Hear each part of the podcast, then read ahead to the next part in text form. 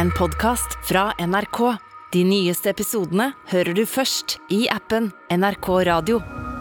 Midt i en ørken i Chile i Sør-Amerika ligger det et stort, fargerikt fjell. Men går man nærmere inntil, så ser man at det ikke er et naturlig fjell, men tonnevis med klær som ingen vil ha. Forlatte gensere, bukser og T-skjorter ligger i gigantiske hauger. Og det voldsomme søppelfjellet bare fortsetter å vokse, for vi kjøper stadig nye klær.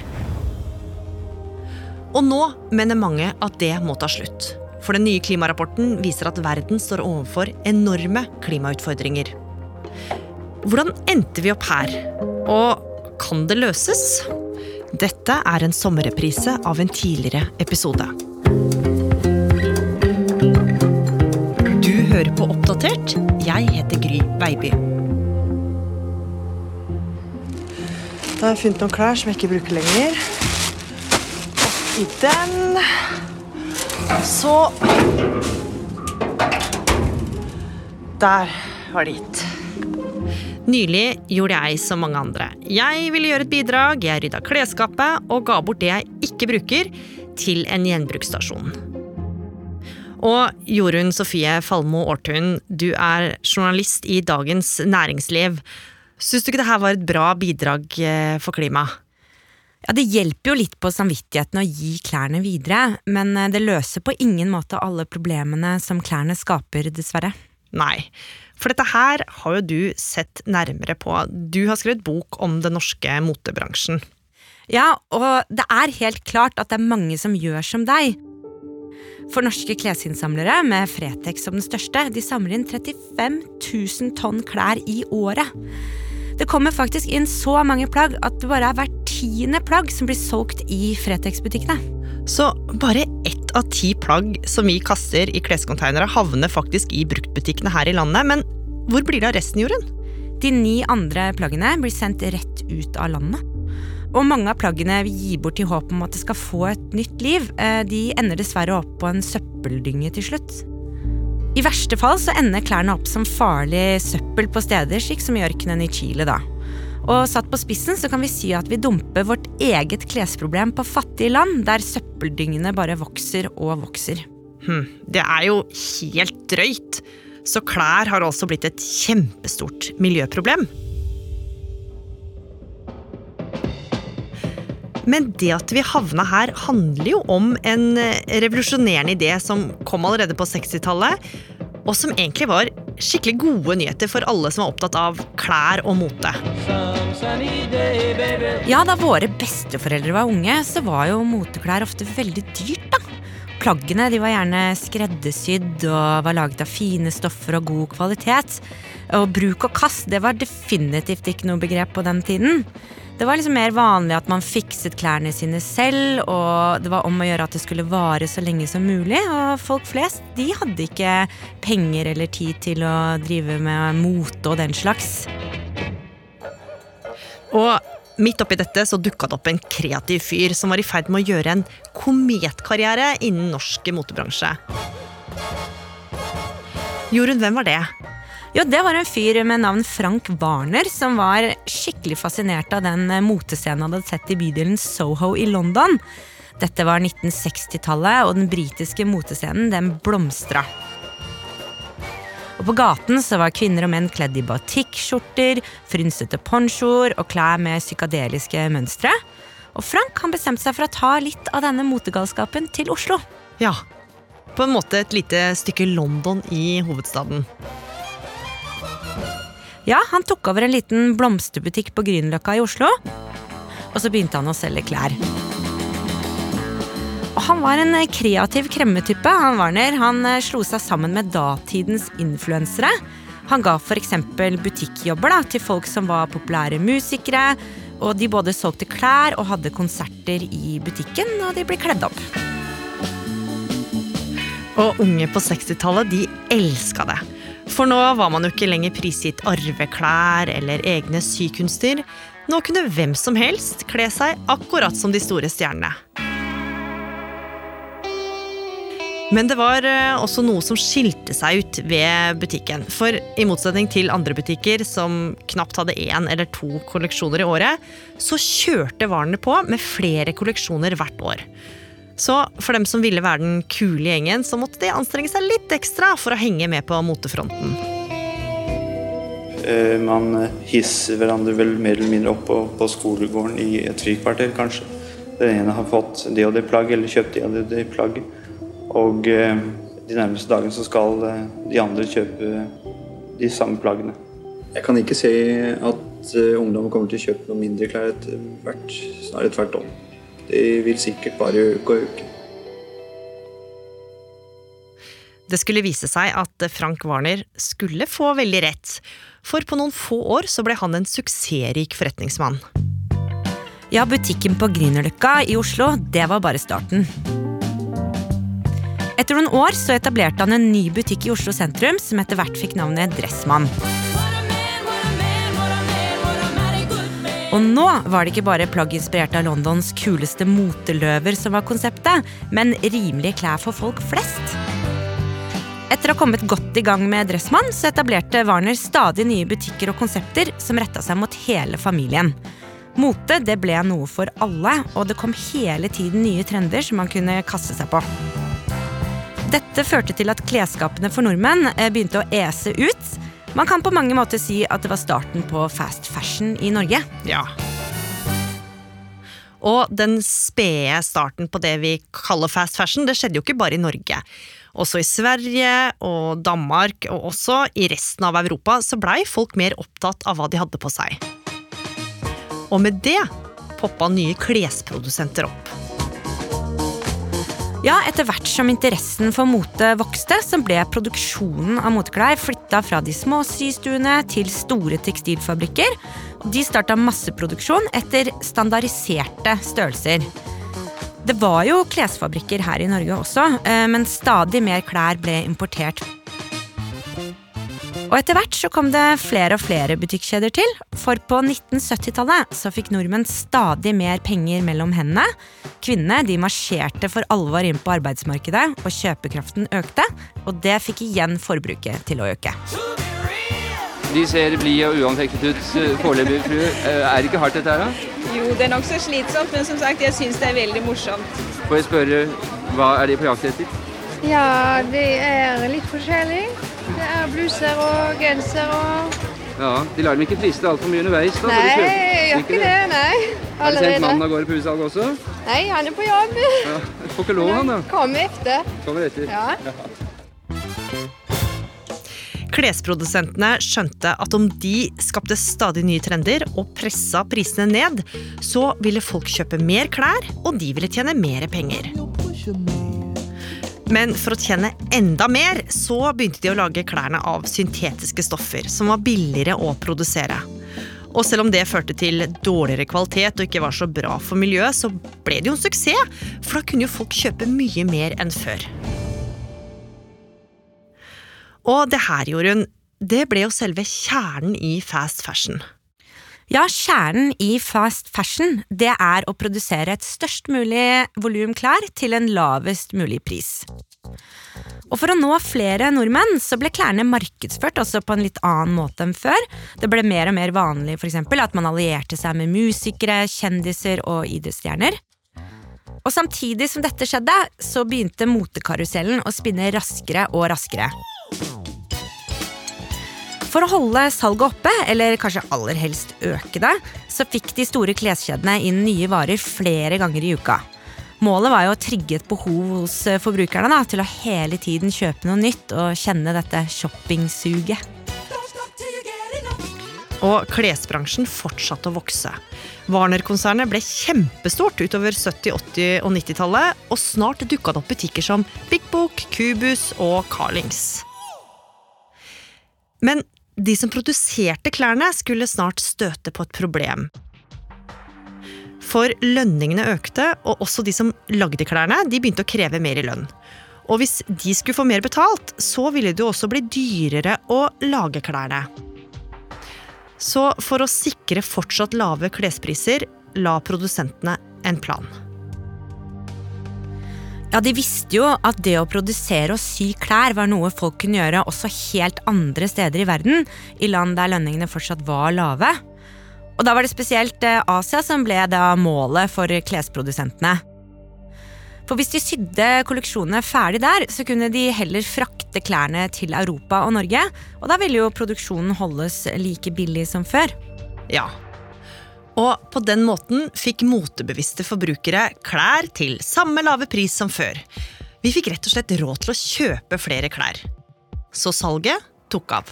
Vi fyller handleposene til randen. I fjor satte vi rekord.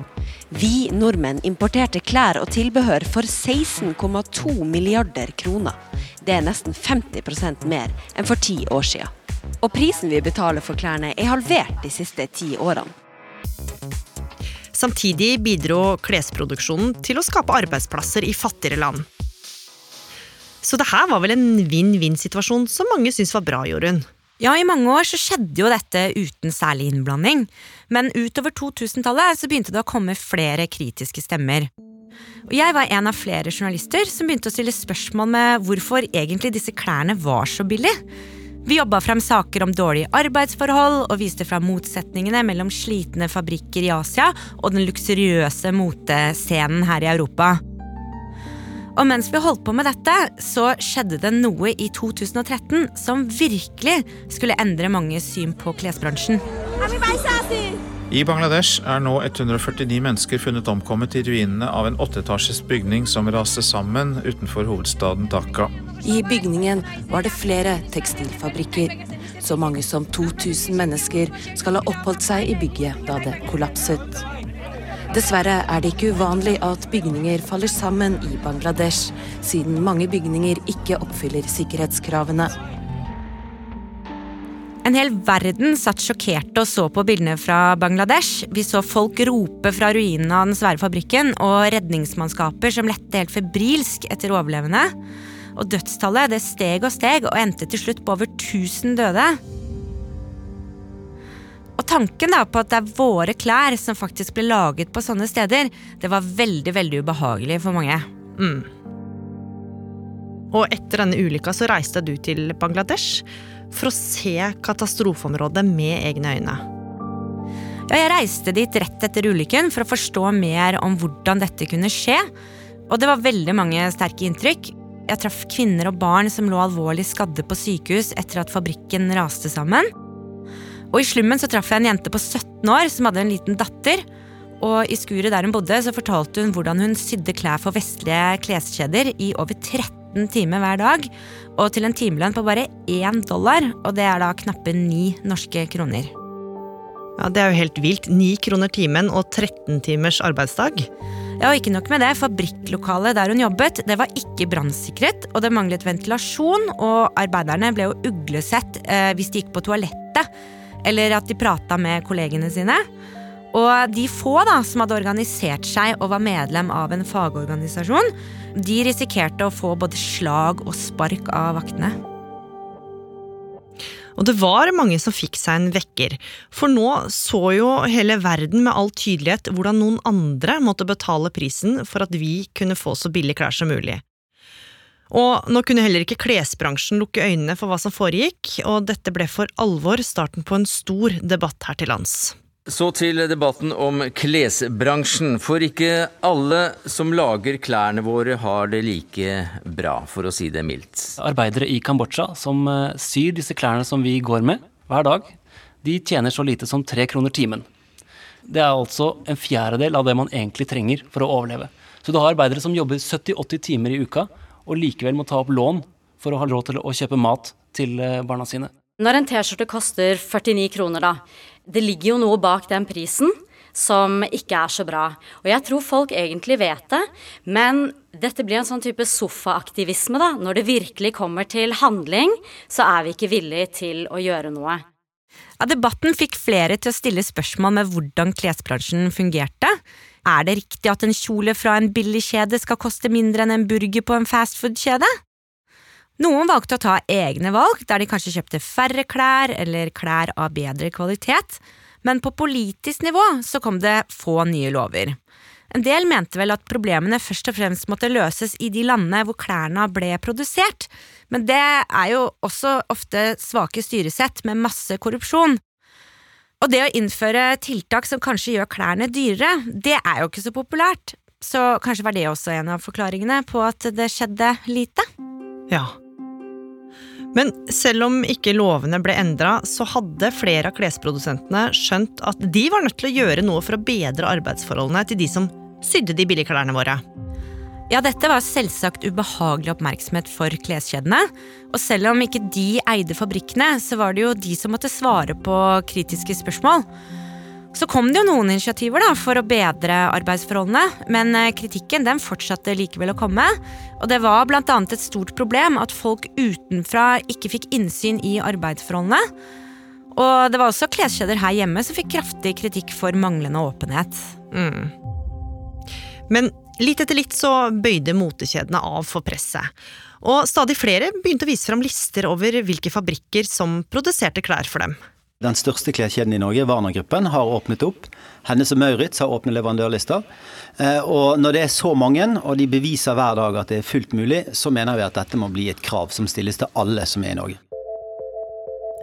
Men til tross for kritikken så handla jo vi nordmenn fortsatt masse klær, og de norske kleskjedene skulle snart få seg noen svære konkurrenter. Salget av sko, klær og vesker i tradisjonelle butikker er nå på vei ned. Mange syns det er eh, mer lettvint å bestille på nettet, og netthandelen økte med 12% i fjor ifølge Posten. Og dette betyr at det blir færre fysiske butikker. Jeg tror at eh, det blåser en netthandelsvind over eh, Norge, og at flere kunder nå handler på nett nå enn tidligere. Og det vi også ser er at flere og flere handler bruker mobiltelefonen sin til å handle på nett kontra i fjor.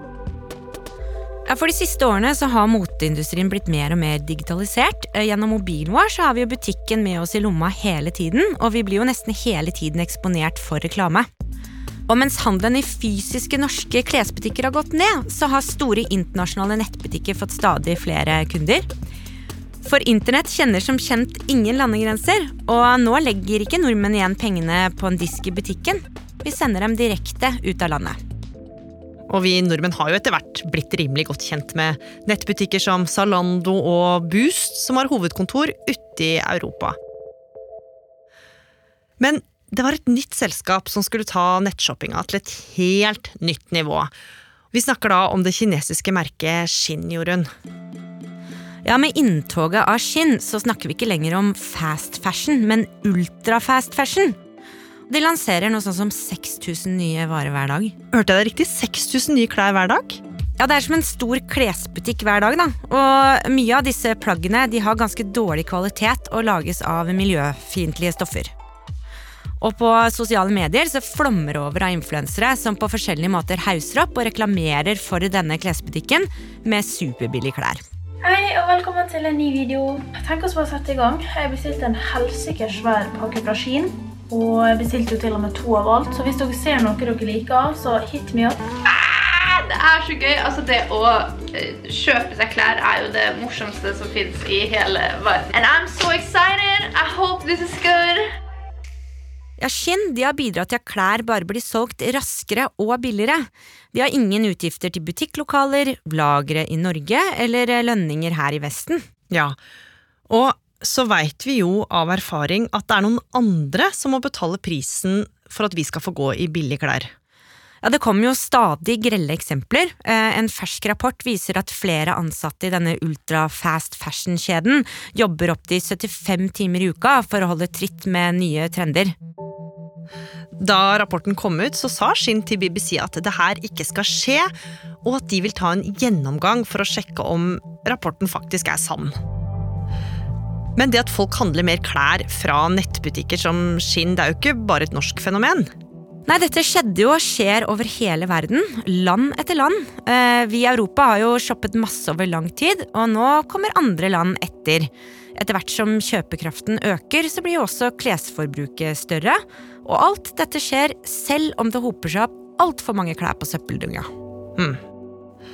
Men når man går i de store kleskjedene nå, så kan man jo se plakater eller kanskje også grønne merkelapper som sier at dette produktet det er bærekraftig eller resirkulert. Ja, mange plakater og reklamer forteller oss at klærne er blitt mer bærekraftige. I HMs flaggskipbutikk i Stockholm for eksempel, så finnes det en maskin som kan resirkulere klærne dine på stedet. Eh, på noen timer så river og strimler denne maskinen et gammelt klesplagg fra hverandre, og så spinner det et helt nytt. Og det er jo et av mange tiltak. Men Jorunn, så er det jo en del eksperter som mener at det pågår en grønnvasking i klesbransjen. Altså at man prøver å late som om noe er grønt og miljøvennlig, når det egentlig ikke er det. Om man kaller noe for grønt bare fordi det er bitte lite grann bedre enn det det var før, så er det jo ikke nødvendigvis miljøvennlig av den grunn. Så her så er det en ryddejobb som hele bransjen må gjøre. Og presset på politikerne har også økt de siste åra. Og i det siste har flere kommet med forslag til løsninger. Hva slags gjenvinningsteknologi må vi utvikle? Skal vi ha et eget gjenvinningsanlegg for tekstiler i Norge, eller skal vi eventuelt samarbeide med andre land? Vi jobber jo nå med en forsterket sirkulærøkonomistrategi som nettopp skal gå på det å få til mer gjenbruk. fordi både i forhold til klimakrisen og naturkrisen så er en viktig del av svaret ikke bare at vi lager mer bærekraftige ting, men at vi bruker det vi har laget over lengre tid. Høyre har bl.a. foreslått å utvikle maskiner som kan eh, gjenvinne klær. Og SV har sagt at klesbutikker skal ha plikt til å fikse ødelagte klær. Så det rører seg jo litt i norsk politikk, men også internasjonalt. Ja, EU krever at det innen 2025 skal være på plass et system der man samler inn tekstiler i en egen kategori, sånn at ikke det havner i søpla.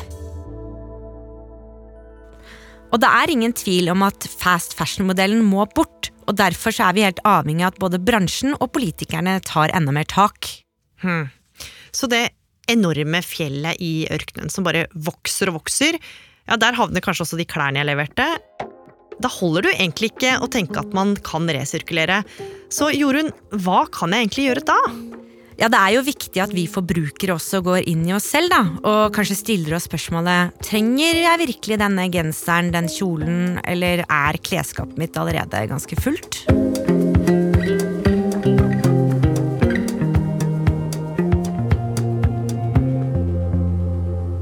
Oppdatert er en podkast fra NRK Nyheter. Og denne episoden er laga av Vegard Kjørom, Martin Holvik, Pål Gauslo Sivertsen, Andreas Berge og meg, Gry Veiby. Programredaktør er Knut Magnus Berge. Lyden du har hørt, kommer fra NRK og YouTube-kontoene til Sofie Lakså og Cornelia Thorsen. Hvis du har lyst til å kontakte oss eller komme med tips, send oss gjerne en e-post til oppdatert krøllalfa nrk.no. En podkast fra NRK. Vi skal jo snakke sommer. Hva er din perfekte feriedag, Johan? Jeg trenger ikke være så veldig mye ute i sola for at det ser ut som jeg har vært ute i sola. Podkasten Feriestemning, hvor to kjendiser deler sine sommerminner. Men nei, hvorfor har jeg aldri sett det brun, da? Og så driver vi og snakker om gamle sommerforelskelser. Where did it come from? Where did it go? Where did it come from? Nye episoder med nye fjes hver dag i hele sommer. Og så må du ha en god sommer, da. Feriestemning hører du nå i appen NRK Radio.